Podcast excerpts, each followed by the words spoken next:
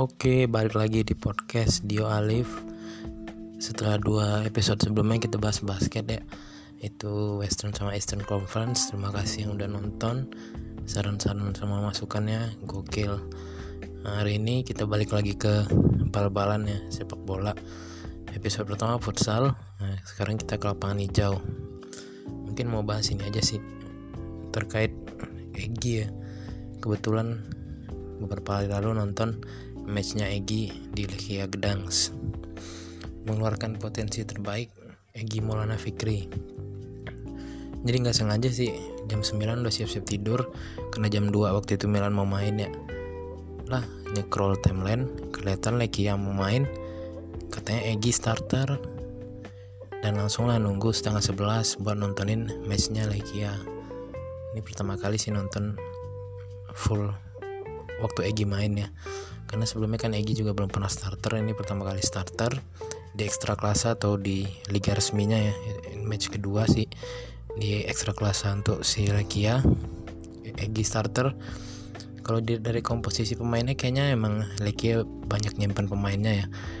Sepertinya untuk persiapan kualifikasi Liga Eropa kaptennya Flavio Paixao nggak main terus ada back Blaise Augustin nggak main juga Daniel Lukasik terus sayapnya Lukas Haraslin juga gak main. Ya mungkin dikasih kesempatan ya buat teman-teman muda lainnya untuk main di liga itu nah Egi salah satunya. Kalau dilihat dari formasi sendiri Egi main di sayap kanan ya. Sedikit berbeda dari peran yang didapatkan di timnas U19 waktu itu zamannya Indra Safri. Kan Egi main di posisi second striker atau IMF atau gelandang serang serada apa nyebutnya. Nah sayap kanannya kan biasanya Witan sayap kirinya VBK zaman itu. Jadi dia bermain dengan posisi free roll alias bebas ke mana aja gitu. Lebih kreator ya tapi kalau dengan potensinya Egi sih dia main di sayap kanan main di IMF second striker harusnya bisa jadi pemain bagus gitu sih. Mungkin kalau lihat dari individualnya dulu ya dari fisiknya sih kelihatan udah mulai kebentuk ya. Dalam artian gak sekurus dulu gitu. Udah lebih berotot. Udah lebih strong juga sih beberapa kali duel walaupun kalau duel udara udah jelas masih kalah ya Egi. Tapi keberaniannya hasilnya gokil sih. Fisiknya udah mulai kebentuk udah mulai kelihatan ototnya. Mentalitinya bagus beberapa kali juga. Hasilnya dia ngerebut bola hasil istilah basket kayaknya grinta lah kalau bahasa Italia itu grinta which sampai turun ke bawah ngelapis pertahanan berani ngerebut bola gokil sih. Ya mentalnya udah kebentuk sih kalau untuk secara permainan di Eropa ya. Berani duel itu gitu kalau untuk individualnya Egi sendiri terus dia tenang juga waktu ngasain bola. Beberapa kali ngebangun counter attack ada sekali yang ngasih langsung ke temennya gitu. Ngelewatin satu orang passing counter tapi nggak bisa manfaatin sama ada dua kali sih itu dia. Udah penetrasi ke dalam tapi sayang. Cover lawannya cepet sih. Pertama dia gerakan fake mau ke kanan tiba-tiba cutting. Tinggal ngesut ada yang cover gitu. Jadi dua orang yang jagain dia. Sama satu lagi emang udah cutting inside. Eh kakinya kurang panjang kayaknya. Jadi dapat melawan itu. Tapi overall gokil sih dia. Kalau dari individual bagus banget. Cara permainannya. Terus yang jadi highlight sih waktu dia ngolongin lawan ya gitu. Ngolongin lawan saya waktu itu dilanggar. Kayak mukanya kena tonjok nggak tahu itu sengaja atau enggak ya. Gokil sih mentalnya. Berani gitu. Walaupun kayaknya setahun ya dia udah di sana setahunan. Mentalnya udah tumbuh sih. Semoga dia bisa bawa ya untuk timnas juga. Sampai kartu kuning itu lawan dibikin gokil sih. Terus secara permainan overall si Lekia ini lebih banyak nyerang dari sisinya Slawomir Pesko ya pemain timnas Polandia ini sayap kiri. Sementara Egi jarang sih dapat kesempatan untuk build up serangan dari sisi Egi itu jarang lebih banyak build up dari sisinya si Slawomir Pesko itu. Nah. Sebenarnya sih kalau dilihat ya potensinya gini masih sangat-sangat banyak. Yang bisa dikeluarin lagi. Untuk mengembangkan dirinya gitu. Mungkin yang pertama kalau dilihat dari cara bermain Egy emang lebih cocok main di tim dengan permainan short pass atau umpan-umpan pendek gitu. Kalau lihat permainan Lekia selama 45 menit yang full ya. Kalau dulu nonton dikit-dikit doang sih. Nonton 45 menit karena Egy cuma main 45 menit. Diganti kabarnya sih ada yang bilang masuk rumah sakit karena cedera kayaknya karena kena tonjok itu. Tapi beritanya belum valid. Sampai podcast ini bikin beritanya belum valid belum ada statement dari klub sendiri. Nah waktu 45 menit nonton tuh kelihatan Lekia lebih banyak main umpan-umpan panjang. Jarang jarang bermain passing support gitu. Nah sementara kalau tipe-tipe pemain seperti kayak gini emang akan lebih berkembang jika permainannya itu short pass atau permainan passing support ya. Passing passing passing kayak gitu. Karena kalau untuk mengandalkan individu sendiri agak sulit ya terutama dengan badan yang postur yang kalah dari pemain Eropa pada umumnya gitu. Kelihatan kelihatan juga permainan dari Legia sendiri emang kurang taktikal sih lebih banyak fisikal. Permainan mungkin itu permainan Liga Polandia pada umumnya gitu. Kita ambil contoh terbaiknya aja Messi gitu ya emang emang nggak nggak bisa mandingin Egi sama Messi gitu.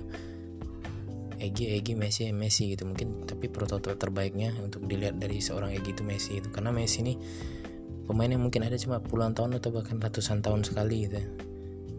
Gila sih main satu ini. Si Messi nggak kalau nggak akan ada yang bisa main levelnya dia gitu. Mungkin ada entah berapa puluh atau berapa ratus tahun ke depan gitu. Seorang Messi pun kalau ditaruh di Real Madrid yang tipe permainannya cenderung fisikal terus lebih ngandelin sayap-sayap kenceng individual susah sih tetap berkembang. Makanya karena itu emang kalau dilihat dari permainan EG emang lebih cocok dengan tim yang mengandalkan passing-passing atau short pass gitu. Tapi Lekia sendiri mentreatment Egi dengan cukup baik gitu. Dipersiapkan mental semuanya mungkin Egi Egi sendiri harus fokus dulu memperbaiki performa dirinya sendiri baik dari dari sisi physicality mentality. Kalau emang dia udah udah siap mungkin bisa mencari destinasi baru gitu untuk mengembangkan lagi. Karena bakatnya gokil sih kelihatan banget dari zaman main di U19 sangat disayangkan kalau dia nggak main ke Eropa. Dan saya udah sekarang udah di Eropa. Tinggal pandai-pandai dia mengeluarkan potensinya kayak gitu. Kenapa lebih prefer Egi main dengan short pass atau pendek passing pendek? Bukan berarti Egi yang bisa main on one on one ya. Kemarin di match juga beberapa kali ngelewatin lawan PD berani. Cuman kalau untuk bermain 90 menit dengan intensitas seperti itu sepertinya fisik fisiknya Egi bakal terkuras. Gitu. Karena pemain-pemain kecil gini terutama kalau sering di body gitu ya kan pastinya capek. Nah karena itu dia lebih cocok main dengan one touch atau passing-passing pendek. Kalau untuk gaya main sendiri udah nyetel sih si Egi sama gaya main Eropa. Kemarin kayaknya Egi dimainin lumayan sering lapis pertahanan ya. Kalau dari streaming beberapa kelihatan juga sih si Egi diteriakin Egi Egi gitu kayaknya disuruh ngelapisin pertahanan.